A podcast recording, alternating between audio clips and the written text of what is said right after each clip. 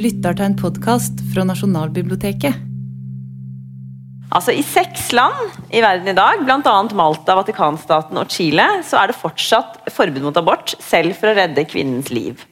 Eh, I 134 land så tillates kun aborter dersom kvinners eh, helse står i fare. Og Hvert år så dør minst 78 000 kvinner eh, av utrygge aborter verden over. Um, så, I januar i år avviste polske politikere et lovforslag som ville gjort det enklere for kvinner å få prevensjon og få tatt abort. Og I stedet så er et nytt lovforslag på gang for å gjøre det enda vanskeligere for polske kvinner å ta abort. Selv her i Norge har vi sett eh, eksempler på at rettigheter som er kjempet fram, kan reverseres. Så abortkampen er overhodet ikke over, eh, og er absolutt fremdeles brennaktuell. Derfor er jeg veldig glad for å være her i dag med akkurat disse tre damene, som er på sin måte spilte en veldig viktig rolle da abortloven ble vedtatt i Norge. Eh, og som jeg tenker jeg kan fortelle oss i salen litt eh, om hva slags refleksjoner som lå til grunn eh, hos både forkjemperne og motstanderne av loven.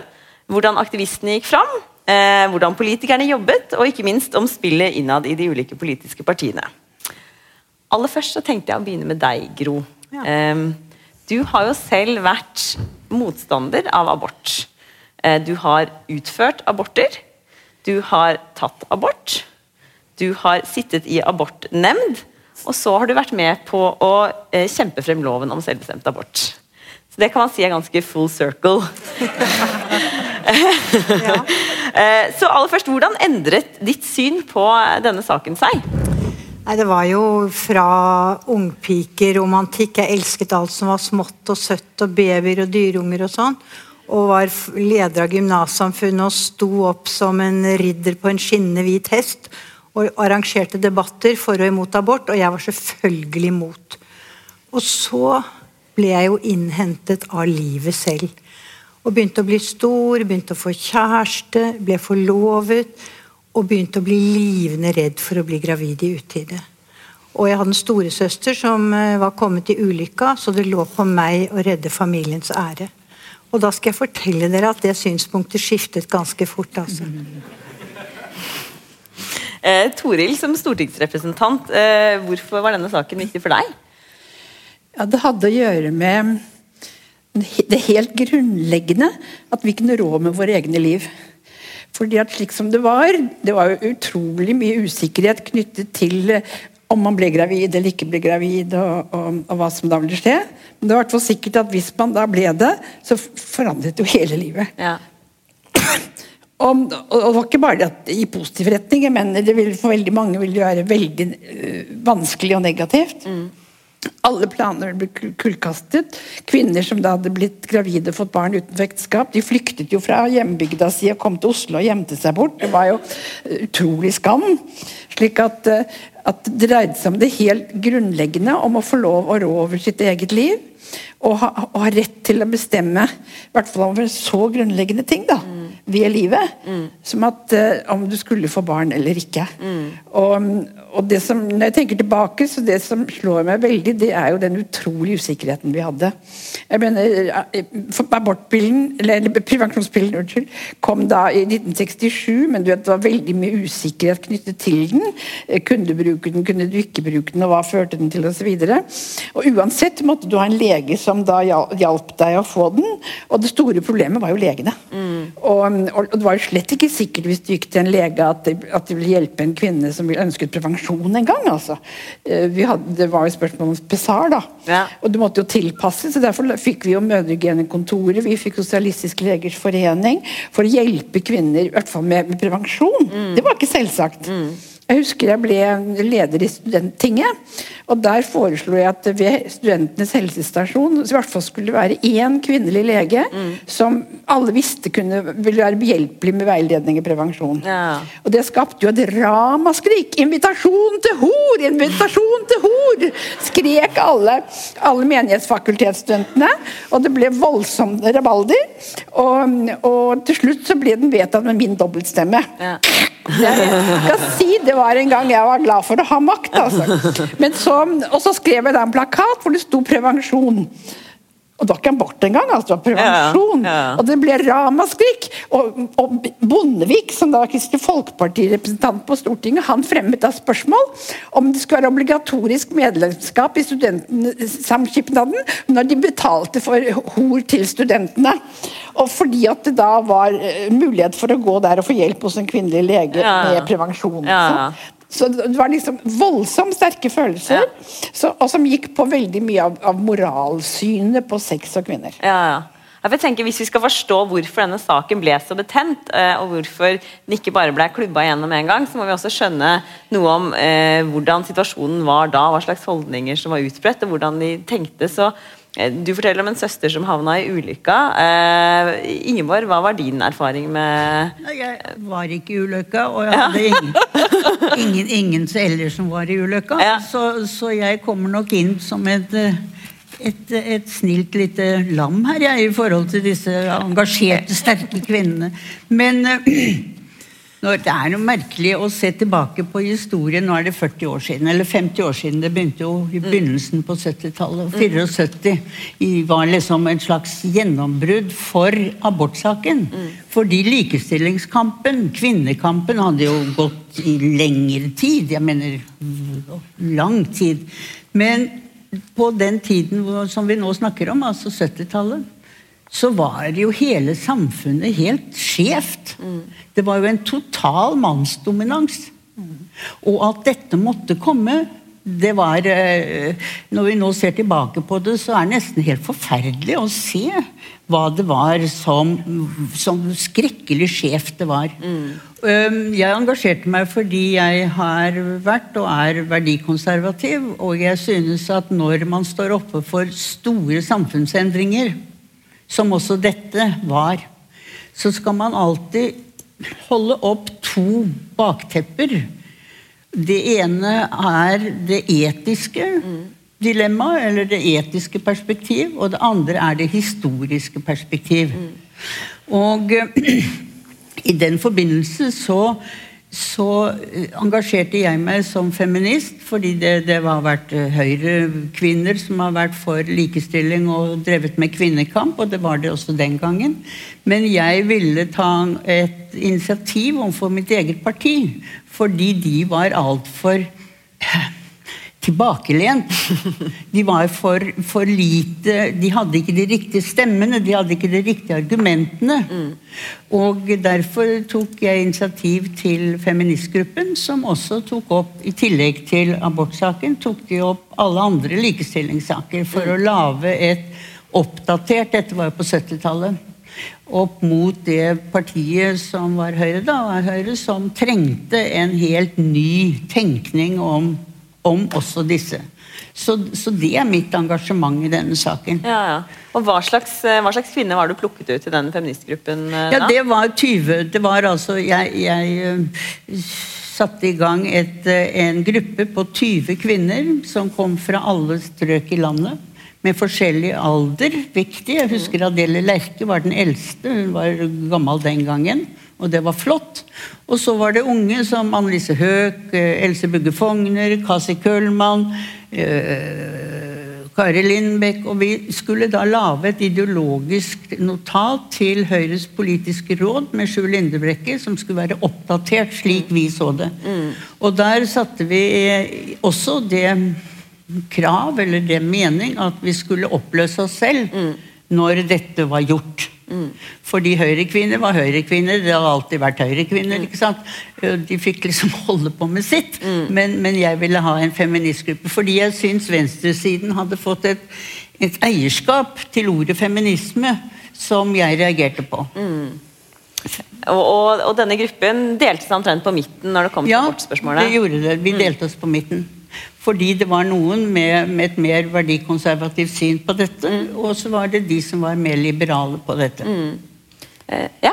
Men det gikk jo en utvikling, for, for da abort, spørsmålet om selvbestemt abort kom opp i Stortinget første gang, var det jo ingen fra Høyre som støttet det. Men så skjedde en utvikling Ja, ja. senere. ja, ja. Og det var ikke minst takket være feministgruppen, tror jeg. Ehm, jeg ble litt nysgjerrig Gro, når du nevnte det med søsteren din som havna i ulykka. For jeg vil ikke helt slippe ennå bakteppet. Jeg tenker i hvert fall For meg, som er eh, 37, eh, så, så er det litt vanskelig å forstå, egentlig, eh, hvordan det var å være kvinne på tidlig 70-tall, for ikke å si 60-tall og 50-tall. Eh, og jeg tror at når man jeg møter mange tenåringsjenter som, er kritiske til abort, litt sånn samme som, eh, samme som deg. Eh, og jeg møter hele tiden også argument for folk som vil reversere abortloven, som jeg kan havne i debatter med når de ringer meg sent på kvelden og sånn. Mm. og da spør jeg alltid hva er alternativet? Um, og vi har jo hatt et alternativ, så det vet jo alle dere tre litt om. Uh, hva var det som skjedde med søsteren din? Hvordan, hvordan gikk det? Nei, det var jo uh, skandale. Faren min var distriktslege i Snertingdal, og det var liksom på den tiden hvor doktorfamilien skulle være litt ordentlig. Og plutselig var eldstedattera gravid i utide, og det var jo katastrofen. Hadde en nokså streng far, men en god på mange måter. Men nokså typisk for den generasjonens fedre. Så da søsteren min og kjæresten tilsto dette da, en sen kveld, så ble de rett og slett kastet ut. Vil si de måtte stille til arbeidsbussen klokka seks om morgenen på veien, for det var ikke noe mulighet til å komme seg av gårde før. Og pappa ville ikke se barna, han ville ikke komme da de giftet seg. Det var et helvete. Og det var så skammelig. Det verste var det med de andre i familien og omgangsvennene som skulle vite at de hadde fostret et så umoralsk menneske. Mm -hmm. Og det til tross for at de selv, det vet jeg jo, hadde satt i gang med seksualliv omtrent så fort de traff hverandre, foreldrene. Men eh, det var den derre voldsomme dobbeltmoralen. Og jeg opplevde jo så mange tragedier, altså fra jenta i nabobygda som hoppet fra låvebrua for å se om hun kunne kvitte seg med en uønsket graviditet, og brakk ryggen. Og, og, en annen jeg som sto meg veldig nær, som måtte lyve på seg en psykiatrisk diagnose. Det var da det begynte å løsne, så du kunne få abort hvis det var veldig god grunn, helst fare for ditt liv. Hun måtte true med å ta livet av seg, måtte legges inn på psykiatrisk klinikk. Og endte senere som psykiatrisk pasient som begikk selvmord. Jeg skal ikke si at det var grunnen, men det var i hvert fall første gang hun var borti sånne ting. Og vi hadde alle venninner som hadde hatt såkalt kriminell abort. Eh, det var jo helt ulovlig. Du kunne, hvis du hadde penger, finne en lege som kunne gjøre det på deg. Men mange gikk jo til såkalte kloke koner eller jordmødre eller sånne som drev litt praksis. Og av og til så gikk det jo veldig veldig galt. De fikk infeksjoner som gjorde at de ble sterile for livet. Så det var virkelig alvorlig. Og jeg tenker nå at dere som er unge, det er så hyggelig å se at det er noen unge her òg. Og så er det kjempehyggelig å se alle dere gamle som var med. Og så er det veldig Dere gamle? Du gamle, da. Jeg liker å bruke ordet gammel. Det er det vi er når vi er 75. Eh, og så er det fint å se noen menn. De har vært så viktige. Men, eh, men ja, nå skal ikke jeg si mer. Det er jo utrolig å sitte og få opp det 40 år siden. 50 år siden. Og, så, og, og eh, det er jo en, en Vel er det fortsatt som du var inne på også. Men det er jo helt utrolig å høre dette, som skjedde bare for 40 mm. år siden. Mm. Og, det, og, og, de skrekkeligste historier om, om ikke sant, alle, Men vi hadde jo hele systemet for abort med disse nemndene, hvor det også satt vel bare menn. Og Gro etter hvert. Ja. Mm. ja. og Gro etter hvert. Ja, ja, men, men den gangen, kjære så, så, var det jo det. Det er jo uhyre å tenke på det i 2018. Altså. Mm. Jeg får eh, assosiasjoner til altså Vi snakker sånn om Norge som store likestillingslandet. Men jeg får assosiasjoner til eh, negativ sosial kontroll i innvandrermiljøer, som vi liker å heve oss over og mm, kritisere. Mm, mm. Og så skal du ikke mer enn 40 Nei. år tilbake i tid før det var konsekvensene. Fullstendig utfrysing av et miljø eh, for å ha blitt gravid. Vi, vi, vi glemmer liksom fortida litt når uh... ja. Det er helt det, det er jo på en måte verre enn som så. Altså, det var altså eh, moralen mm. som vi har snakket om. Det var også eh, kvinnepolitikken. Mener, hvem bestemmer over kvinner? Men det var også klasse, klassespørsmål. fordi det var helt klart at dette slo mye hardere ut for noen grupper av kvinner enn for andre. Jeg mener velstilte mm. høyredamer. Jeg mener, vi, vi følte jo liksom at vel, vel. Men, men det var jo det var de som ikke hadde penger, ikke sant? Og som, og som ikke kunne betale. og Du så veldig klar forskjell mellom, mellom de, de, som var dårlig stilt og de som var bedre stilt. Mm. Og de som hadde penger, de kunne alltid ordne seg. De kunne reise til utlandet, eller de kunne fikse seg og betale for et eller annet. og sånt, sant? Mens eh, hvis du var en vanlig bondjente, eller hvis du var en arbeiderjente, da fikk du bare alt rett i hodet, ikke sant? Og, og det å være enslig mor men det, det var, hvordan skulle du ordne deg da? Hvordan skulle du få jobb? Hvordan skulle du ta vare på barnet? Mener, og, og ikke bare da at det var en fordømmelse, men det var jo også eh, praktisk. Nesten helt umulig. Og, og, og, og hvordan vil du liksom, det var menneskeverd, og det var likeverd, Ja. og så var det klasse. Og de tre, tre tingene sammen ble veldig, veldig mye. Det ble liksom hele samfunnet Ja.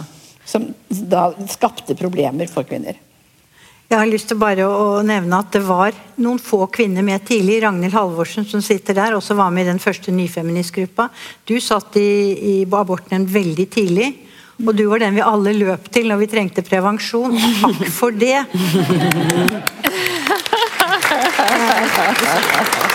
Så har jeg lyst til å nevne også dette med at det var jo en masse tvangsekteskap. Vi tror liksom det er spesielt for innvandrergruppene. Det som skjedde normalt med fredelige fedre og sånn, det var jo at det unge paret falt til fote og bekjente dette forferdelige, og så måtte det bare bråordnes ekteskap. Og i Snertingdalen så var det slik at folk møtte opp i kjerka for å se hvordan bruden fylte ut. Det var glåmfolk, som vi kalte det. Veldig viktig. Men på bygda var det litt romsligere. Da var det veldig vanlig at den første ungen til den eldste jenta ble liksom bestemor sin unge. Det var litt annerledes i borgerskapet. Skammen var større der. Og jeg bodde også i Finnmark, og der var det også mye større romslighet. Men hjelpe meg, altså jeg vokste jo opp med, hadde en gutt i klassen som var lausunge, og det var jo, hang jo ved han, det ble ropt etter han. og og, og husk på, det er ikke mer enn i når var det 1915. Før det hadde de ingen rettigheter i forhold til barnefaren. Ikke noe bidrag, ikke noe arverett, ikke rett til navnet, ingenting. Den stakkars jenta var helt overlatt til seg selv. Måtte avbryte utdannelse. Det var ikke barnehager. Det var i det hele tatt. Det er altså en så annerledes verden. Så av og til når dere unge piper, så tenker jeg Tror du det var så mye bedre før? Når du nevner 1915, så må jeg minne om at det var i 1915 at Katja Anker Møller, Ja, ja, virkelig en stor eh, feminist, sa vi elsker moderskapet, vi vil dets vel, men under full frivillighet og vårt eget ansvar.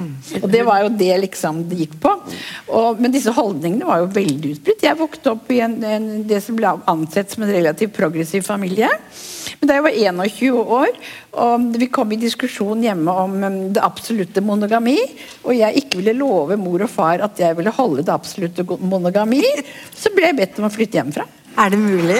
Så jeg mener, eh, det her var det ikke spøk. Hvilket Altså. dramatisk liv. Eh, altså, men også for de som ikke vet det, da, så er jo mammaen til Toril var kvinnesaksforkjemper eh, Åse Gruda Skar. Eh, og mormoren din var eh, Karen Grude Koht, som Ja også var kvinnesakskvinne. Ja da, ja da. Så dette var jo på en måte ikke eh, Dette var jo ikke nødvendigvis en venstre-høyre-side-kamp. Eh, ei heller en, en, en sak som var helt uproblematisk innad i kvinnebevegelsen.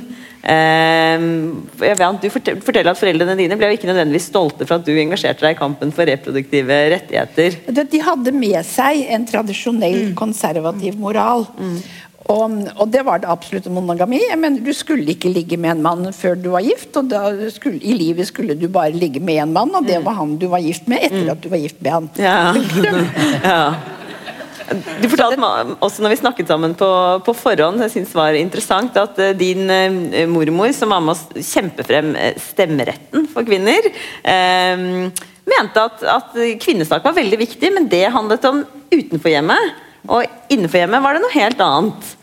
Eh, så det er jo interessant å se hvordan feminisme og likestillingsspørsmål stadig er i utvikling. Ikke sant? At man må ikke eh, At man hele tiden kan utfordre neste generasjon. At det er greit å ikke være enig eller velge andre kamper enn de som kom før. da Men det jeg syns er veldig interessant med mormor, det var altså for, for mormor og morfar, og delt også uh, mor og far, men mor og far var, ble jo da uh, de som brøt uh, reglene. Du vet, de brakt, altså Mor lanserte jo kvinnesak tredje akt, og det var nemlig å bringe det inn i familien. Med, med, med fars rolle og barn osv. Men, men det som var interessant, det er at altså mormor hun, og, morfar opplevde at det var i samfunnet dette gjaldt, ikke hjemme. Men mormor hun sa ja, men det er et veldig viktig arbeid som foregår hjemme, det er husmoryrket.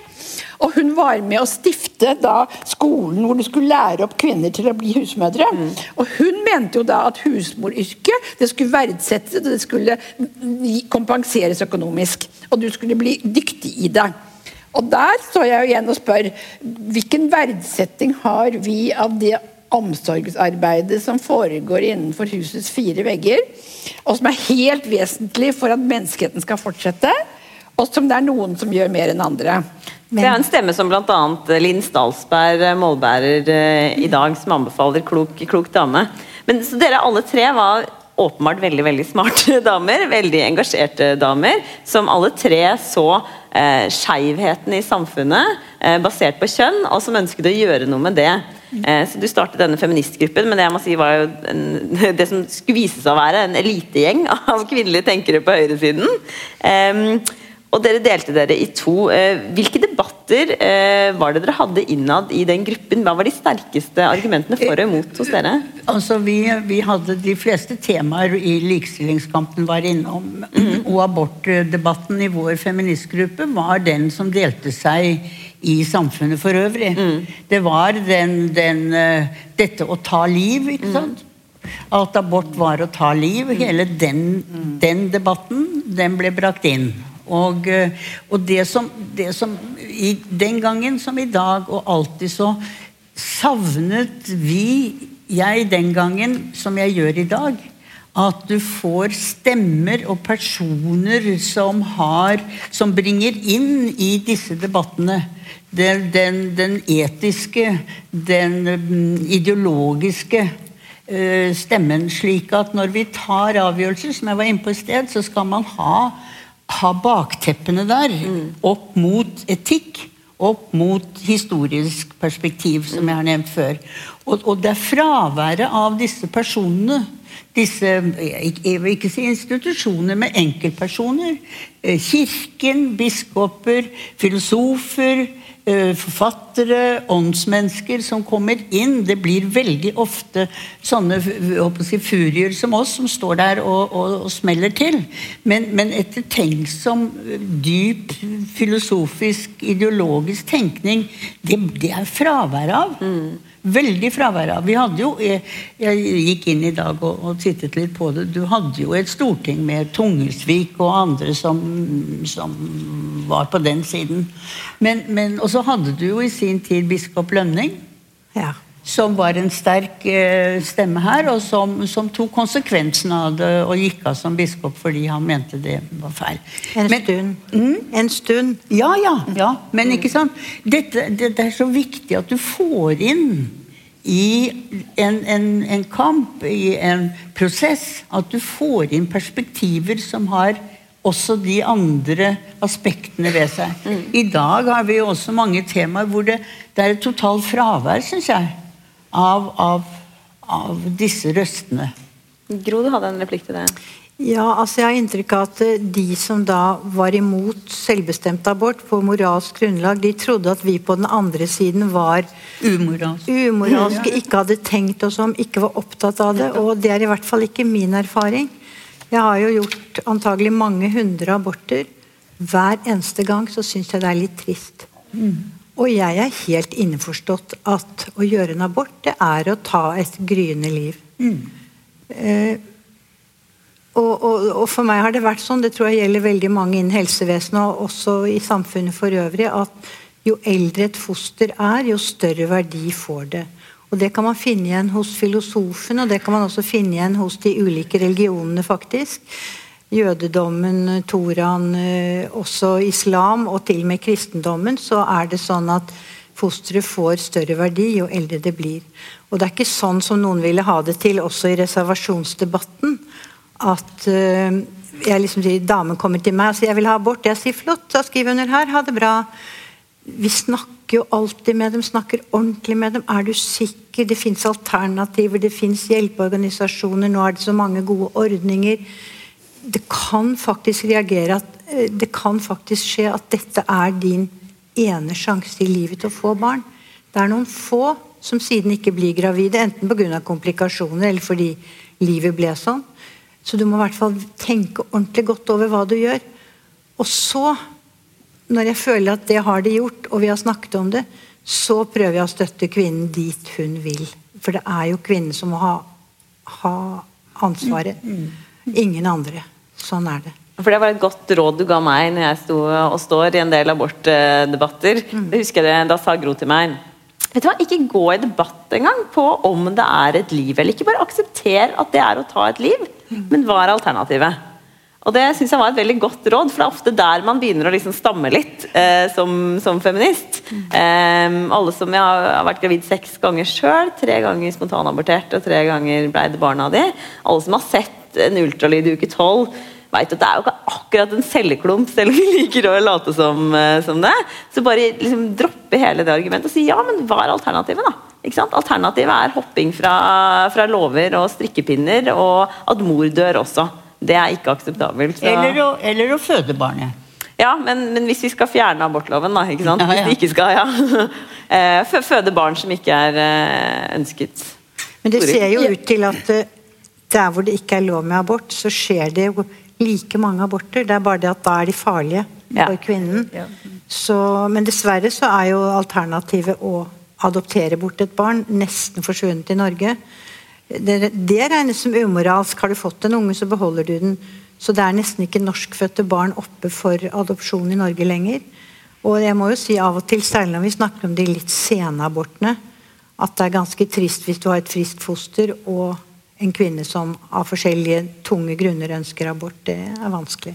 Men jeg synes at det, det, Veldig ofte uansett så blir det forenklet. fordi at du har jo med flere menneskeliv. Du har med fosterets menneskeverd og liv, og du har med kvinnens menneskeverd og liv. Og det kan også berøre andre. Og far. Det også kan berøre andre. Mm, det, er sånn et far til, er et far til foster. Ja. Sånn at, at, jeg har alltid syntes at hele problemstillingen var uhyre smertefull. Og, og at det kunne ikke forenkles. Det var utrolig smertelig. Men det som opprørte meg nesten mest, det var de som da sa at du kan ikke ta abort, samtidig ville de ikke gi rom for prevensjon. For jeg mener, hva, jeg mener hadde, Da hadde du ikke noe alternativ da. ikke sant? Da levde du Enten måtte du bare gå rundt og være nonne, eller så måtte du da ha angst på en eller annen måte. For det for samtidig var det det å, å, få ordentlig prevensjon det var veldig vanskelig. og Jeg husker det første gang jeg gikk til mødregenkontoret. Jeg var veldig ubekvem. Jeg var ikke sikker på at de ville ta imot meg. Jeg var ugift. Og hva skulle jeg liksom med prevensjon? Og, og, og ville jeg få hjelp eller ikke få hjelp? Og så var det jo ikke noe praktisk, akkurat. Jeg mener, Kondom var avhengig av mannen. Eh, Pessar, du måtte jo da styre med det og få det inn eh, i god tid før et eller annet uventet skulle skje. ikke sant? Og, og, og pillen jeg mener, Veldig ofte så var det, dels var den vanskelig å få, men det var også spørsmål hvilke konsekvenser den hadde osv. Så, videre. så angsten, angsten både når det gjelder dine egne følelser, når det gjelder hvilke konsekvenser av det, og, og, og hva gjør du da? Mm. Og, Det er der jeg syns liksom, det ble et hykleri mm. hos de som da ikke vil gi deg noe alternativ, egentlig. Eh, men jeg har lyst til å si at, eh, at, eh, at jeg har stor, stor respekt for de kvinner og de i helsevesenet som har måttet være i den situasjonen som du forteller om. Absolutt. Og at jeg, at jeg at, at, de gjør et, et utrolig flott arbeid for å for å hjelpe kvinnen. Men, men, jeg hadde lyst til å fortelle at jeg fødte jo barn under Schjøtt Riverts, den store, store gynekologprofessoren. Han, han var, han, var han, han, kom inn, og jeg hadde født mitt deilige barn, og han hadde en skog av leger rundt seg. Og så ropte han ned i sengen til meg. Vet De hvem jeg er? ropte han. Ja, jeg lå der og hadde født. Jeg er overlege ved Rikshospitalet, og jeg er så sliten, sa han. Vet De hvor mange barn jeg har tatt imot? Nei, jeg visste jo ingenting. Jeg har tatt imot tre 17. mai-tog foran Slottet, sa han. Da skal jeg bare supplere Skjøtt Rivers, for hans var åpenbart et spørsmål han stilte av og til til kvinnene. Vet de hvem jeg er? Ja, og da var det en liten, kanskje ganske enkel kvinne som sa De er min fremste tjener her.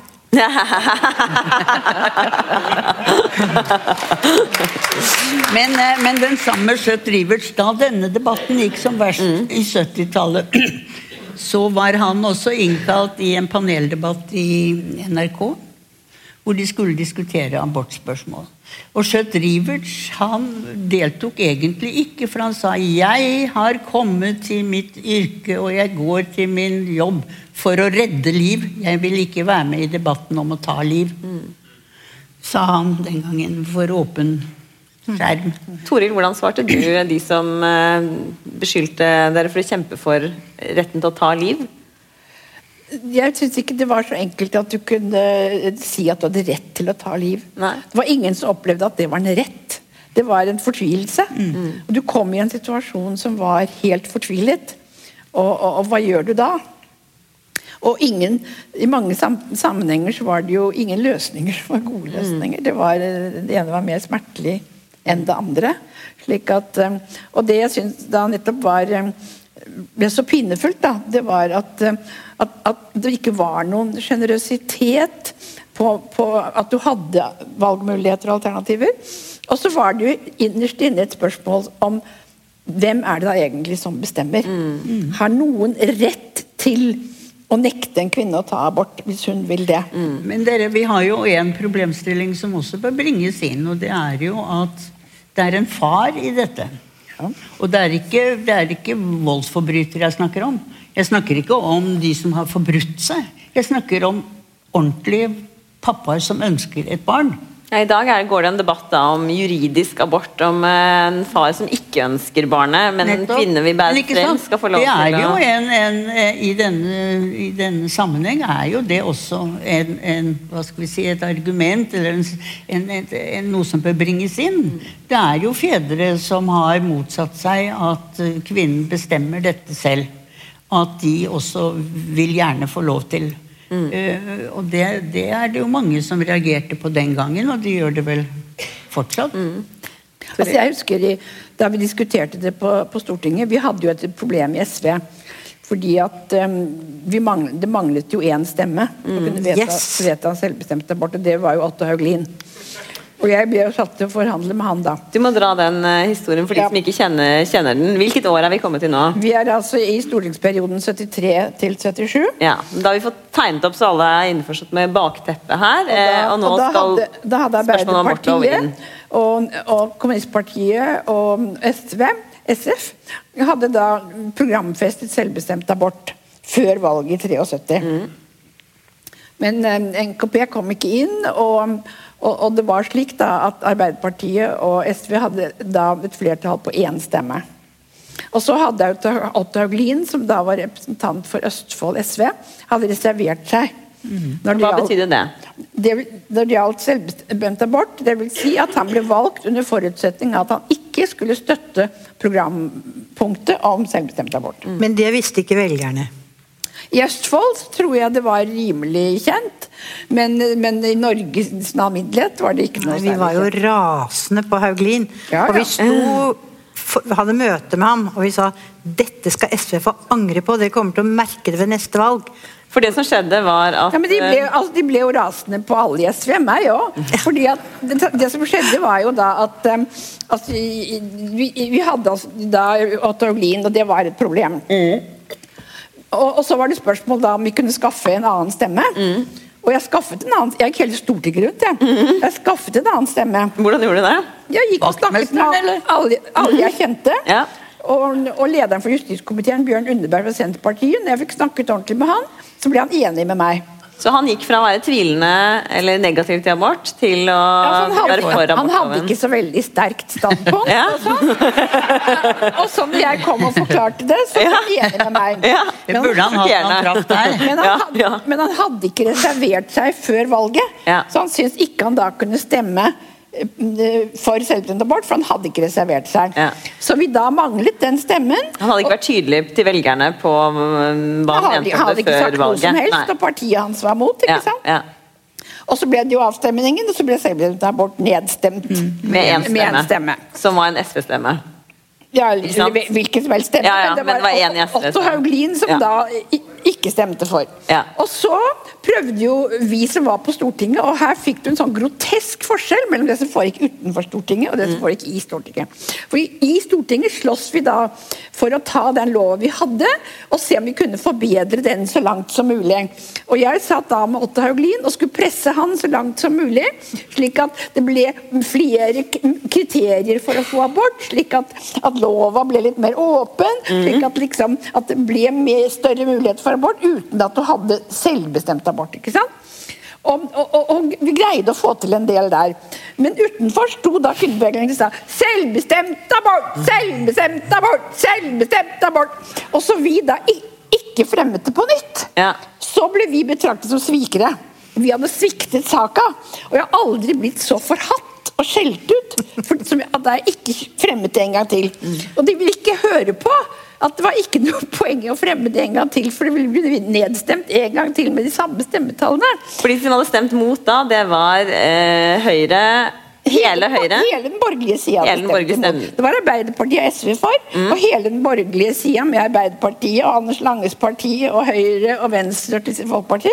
Alle hadde stemt mot. Og da var det det samme storting, ikke sant? Så når du fikk selvbestemt abort da, i 78, så var det fordi det var et valg imellom. Mm. Og ved det valget så, som tapte jo SV grassat og fikk jo bare to stemmer. Men Arbeiderpartiet tjente på det, og da hadde de akkurat den stemmen de trengte. Og da var det Arbeiderpartiet og SV som sammen da fikk vedtatt selvbestemt abort i 78. Det fortjener en liten applaus. Men før det må vi spole tilbake til eh, Otto Haulin og den ene stemmen. For Gro, du var da aktivist og kjempet Ja. for eh, abortloven. Hvordan var den dagen for deg? Først må jeg si unnskyld til Toril, da.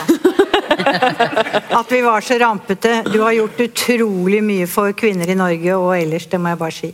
Men jeg tror jo at aktivismen var det som faktisk eh, veltet skuta, eller rettet den opp, eller hva vi skal si. Vi var jo kjempeaktive, flere til stede her. Vi, første nyfeministgruppa, Bli, men beinhard.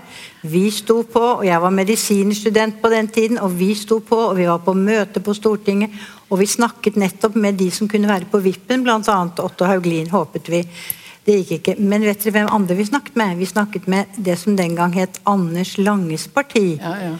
I dag Frp, hvis det er noen som er så unge at de ikke husker det. Og, og, for de var nemlig for selvbestemt abort. Men på én betingelse. Kan vi gjette hva det var? Kvinnen skulle betale. Kvinnen skulle betale selv. Og det fikk vi jo ikke med SV og Arbeiderpartiet på, så det var litt dødfødt. Og vi prøvde alt vi kunne, og vi fikk vannbakkels på Stortingskafeen, husker jeg. Det var veldig stas. Og vet du hva som skjedde da jeg kom hjem om kvelden? Til mine 1, 2, 3, 4, 5 barn på den tiden. Så ringte det en telefon, men jeg var fortsatt ganske sånn ung og litt søt. Og så ringte det en telefon, og jeg tror ikke jeg skal si navnet til vedkommende her, men han, han var en eh, godt voksen herremann, for å si det sånn. Og han syntes vi hadde hatt sånn interessant diskusjon, apropos metoo. Så han kunne godt tenke seg å fortsette den diskusjonen om kvelden. Om jeg kunne tenke meg å komme inn til et privatmøte til Stortinget. Og for øvrig så hadde han fått en ny sofa på kontoret.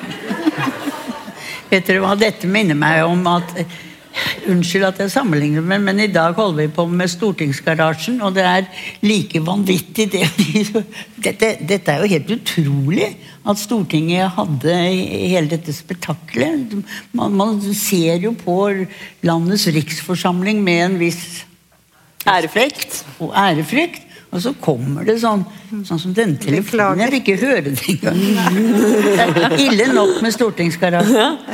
Dere hang vel også opp noen bannere inne på Stortinget? Gjorde dere det, Gro? Ja, vi har gjort mye rart. Og vi var jo, det var Ragnhild med på oss. Vi var på Aker sykehus. Da stilte vi opp en liten fattig gjeng med feminister. Kanskje vi var en 12-15 stykker med et stort banner. Selvbestemt abort.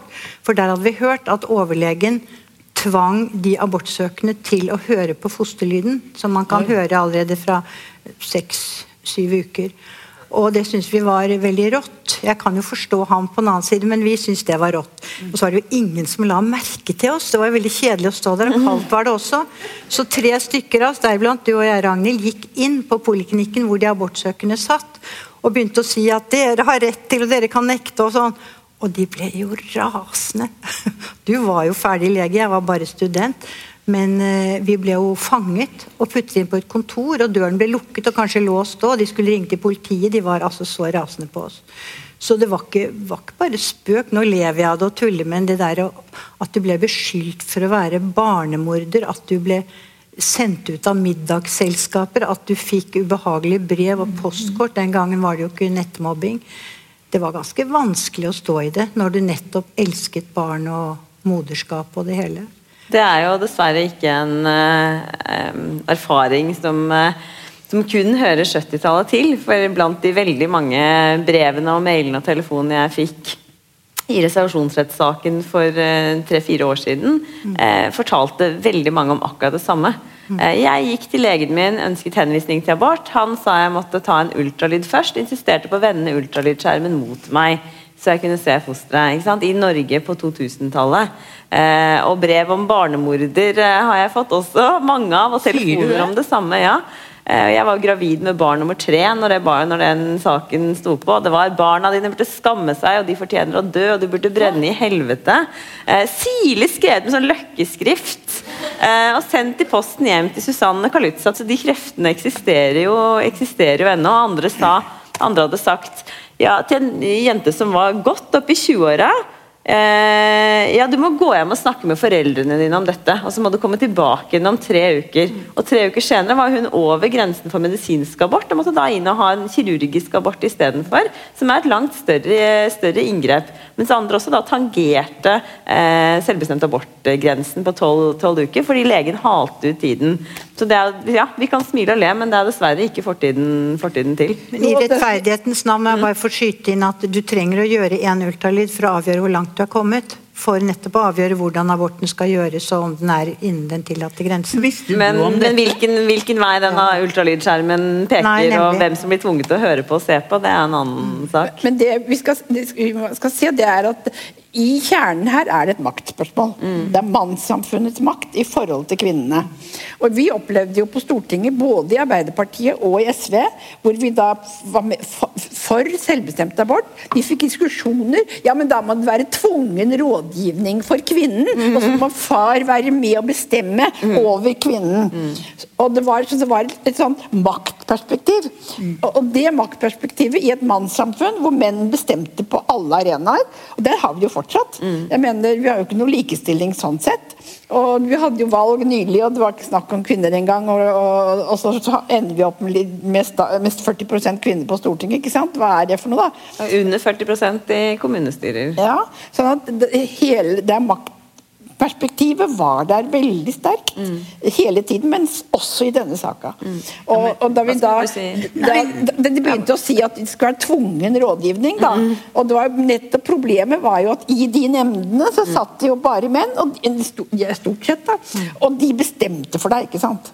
Men det, det er jo den siden av det som er så uhyre det har jo at hvor, hvor, var mennene? Hvor var de fornuftige mennene? Hvor var de kloke mennene? Hvor var de som støttet kvinnene hen? Det, det, dette, hvor, hvor, var de? Det var jo en god del av dem også, det må jeg si rettferdighetens navn. Ja, de feministene som ikke ble skilt, de hadde jo ganske ålreite menn. som gikk i tog med oss og stilte opp. altså Det skal de ha.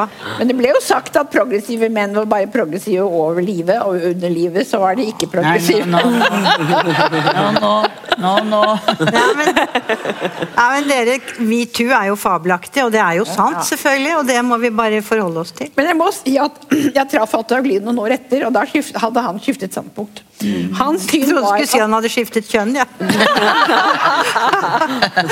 altså, hans standpunkt, hans standpunkt var at det å ta et liv var så alvorlig at det kunne ikke et menneske gjøre alene. Det måtte man være flere om. Og så da han oppdaget at aborttallet ikke gikk til himmels når du fikk selvbestemt abort, så så han jo at nei, kjære vene kvinner kunne jo også holde måten. Sånn at da, da endret han syn, og, og ville da ha stemt for selvbestemt. Ja. Ingeborg? Nei, altså, dette, Debatten har jo alvorlige etiske problemstillinger. Ja, ja. De har det. Og, og, det er derfor den er vond, derfor den er vanskelig. Og den er, ikke, den er aldri slutt det, det, slike problemstillinger flytter vi Det er som holdt på å si nissen på lasset. De er der alltid. Og det som jeg, jeg mistrives i et samfunn hvor ikke den røsten, ikke de argumentene, er fremme. At ikke det er en, en, en ordentlig uh, innslag av mennesker som har ideologisk Det var mer av det den gangen.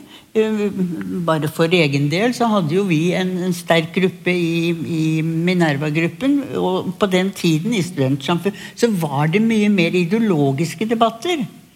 I dag er det veldig lite av det, syns jeg. Så det er jo noen i Morgenbladet og sånn. Ja. Morgenbladet. Vi har jo sånn. Men ikke sant, det er et, et sant demokrati. I et sunt samfunn så skal også de argumentene fremmes. Og vi lever jo nå i en tid hvor det er en struttende individualisme og en egotripp av en annen verden. Og, og takket være det som vi kaller fremskritt. Og da er det så mange avgjørelser som vi skal ta. Det er så mange dilemmaer vi står overfor. Og det går fort for seg. Og i den tiden hvor vi blir veldig individuelle, så, så kommer det, den, den, Hva skal vi si den, den, ideologiske debatten oppi alt dette blir veldig lett borte. Det, det, da blir jeg redd i et samfunn hvor ikke den stemmen er sterk. altså. Og så er det jo det da, at det er jo ressurssterke mennesker som greier å beherske alle denne, denne problematikken. Det er mennesker som har penger, eller som har begavelse, som vet å ta de riktige valgene, og som er i stand til å ta de riktige valgene. Men det finnes masse mennesker som ikke har de ressursene, som, som, ikke, får, som ikke får styrke til å, å, å ta kloke valg. Det har hjulpet veldig i Norge med gratis bransjon f.eks. til tenåringer. Eh, og slike ting gjør at Vi har veldig lav andel med tenåringsaborter blant annet, i Norge i dag. Og også gode støtteordninger som også er kjempet frem av, eh, av kvinner som, som, dere. Det vi må erkjenne, er jo at uh, samfunnets holdning forandrer seg med lovverket. Da det var kriminelt, så var det jo mye lettere å være fordømmende veldig fort etter at loven kom, så ble det mye større aksept for å ha tatt abort. Mm. Og, og, jeg føler at det er på ganske riktig plass i dag. Jeg kjenner ingen, kanskje med ett unntak, som liksom bruker abort som prevensjon og syns det er så kult. Jeg opplevde en gang, da hadde jeg kjempet veldig for på det sykehuset jeg bodde, at vi skulle behandle de abortsøkende bedre. Bl.a. sørge for prevensjon, for det var det ikke i begynnelsen før de fikk dra hjem. Og, og de, vi skulle behandle dem ordentlig og hyggelig. og sånn, Da husker jeg det var en ung jente som nærmest danset ut og sa 'Tusen takk for meg, det var alle tider, så jeg kommer igjen snart'. Men stort sett så kjenner jeg ingen som syns det er noe stas å ta abort. Eh, jeg kjenner jo veldig mange da, selvfølgelig som har gjort det, også nærstående. Og, og de syns ikke det er noe gøy, de er litt lei seg. Men de er ikke knust av det. Og jeg kjenner heller ingen som har angret veldig, som sagt, unntatt de som eh, ikke siden kan få barn. Sånn at eh, Man skal ikke knuse seg skyld, men man skal, fordi det er et etisk dilemma, ta det på alvor innover seg. Så jeg synes vi er ganske Men det er hjelpen til å ta disse etiske valg. Mm. Hvem er det som skal hjelpe dem til det? Leger selvfølgelig også, men det er jo andre stemmer i rommet som burde hjelpe til å ta etiske valg. Toril, du også hadde et innspill. Men jeg opplever at eh, det er jo hele samfunnsutviklingen, økonomien, som er blitt mer og mer kapitalistisk, som betyr at det er profitt og, og, det å tjene penger som teller, og andre ting er ikke så viktige. Og, så, og Vi trodde jo den gangen TV-en kom, at vi skulle bli global landsby og bli kloke og forstå alt mulig. Og det er jo bare blitt underholdning og, og, og spek og spekulasjon i veldig stor grad. Sånn at, sånn at Vi har jo sporten. ja, akkurat. Den er individualistisk, og den er konkurrerende. Og vi har da et samfunn som er blitt bedre på en materielt sett, og hvor vi altså har dårligere barselsomsorg, hvor vi har dårligere omsorg for, for spedbarna, hvor vi har dårligere omsorg for hvordan det er å, å bli en familie med et nytt lite barn, som er helt forferdelig. Og, og, og dette bare later vi som ingenting, og det rører oss liksom ikke. Og, og, Før var det jo 40 dager barsel, nå er det liksom ikke fire timer engang. Og, og, og hvor er det blitt av medfølelsen og samholdet og omsorgen og støtten? Det er, det er blitt individuell materialisme over hele linjen. Dette er jo en av eh, hoved... Ja, applaus for det. dette er jo en av parolene til 8. mars-toget i Oslo på torsdag. Eh, også noe veldig mange skriver om om dagen. Blant annet eh, Ida Jackson hadde et glimrende innlegg om det nå akkurat. Hun er jo veldig ofte veldig klok. Ja. Eh, men eh, vi har noen kamper er vunnet, veldig mange kamper gjenstår. Eh, så hva tenker dere at dagens eh, likestillingsopptatte kvinner og menn eh, kan lære av de triksene dere benyttet dere av på 70-tallet? Altså jeg vil si eh, generelt skolering, organisering, skolering, organisering, skolering, organisering. Og jeg er veldig bekymret for demokratiet vårt. Det er altså bare 6 av, eh, av menneskene i Norge som er med i et politisk parti i det hele tatt. Skoleringen i de politiske partiene er nesten borte. Studieforbund er nesten borte. Hvor er det de får, forstår dette samfunnet og kan derfor organisere seg og slåss for et bedre samfunn?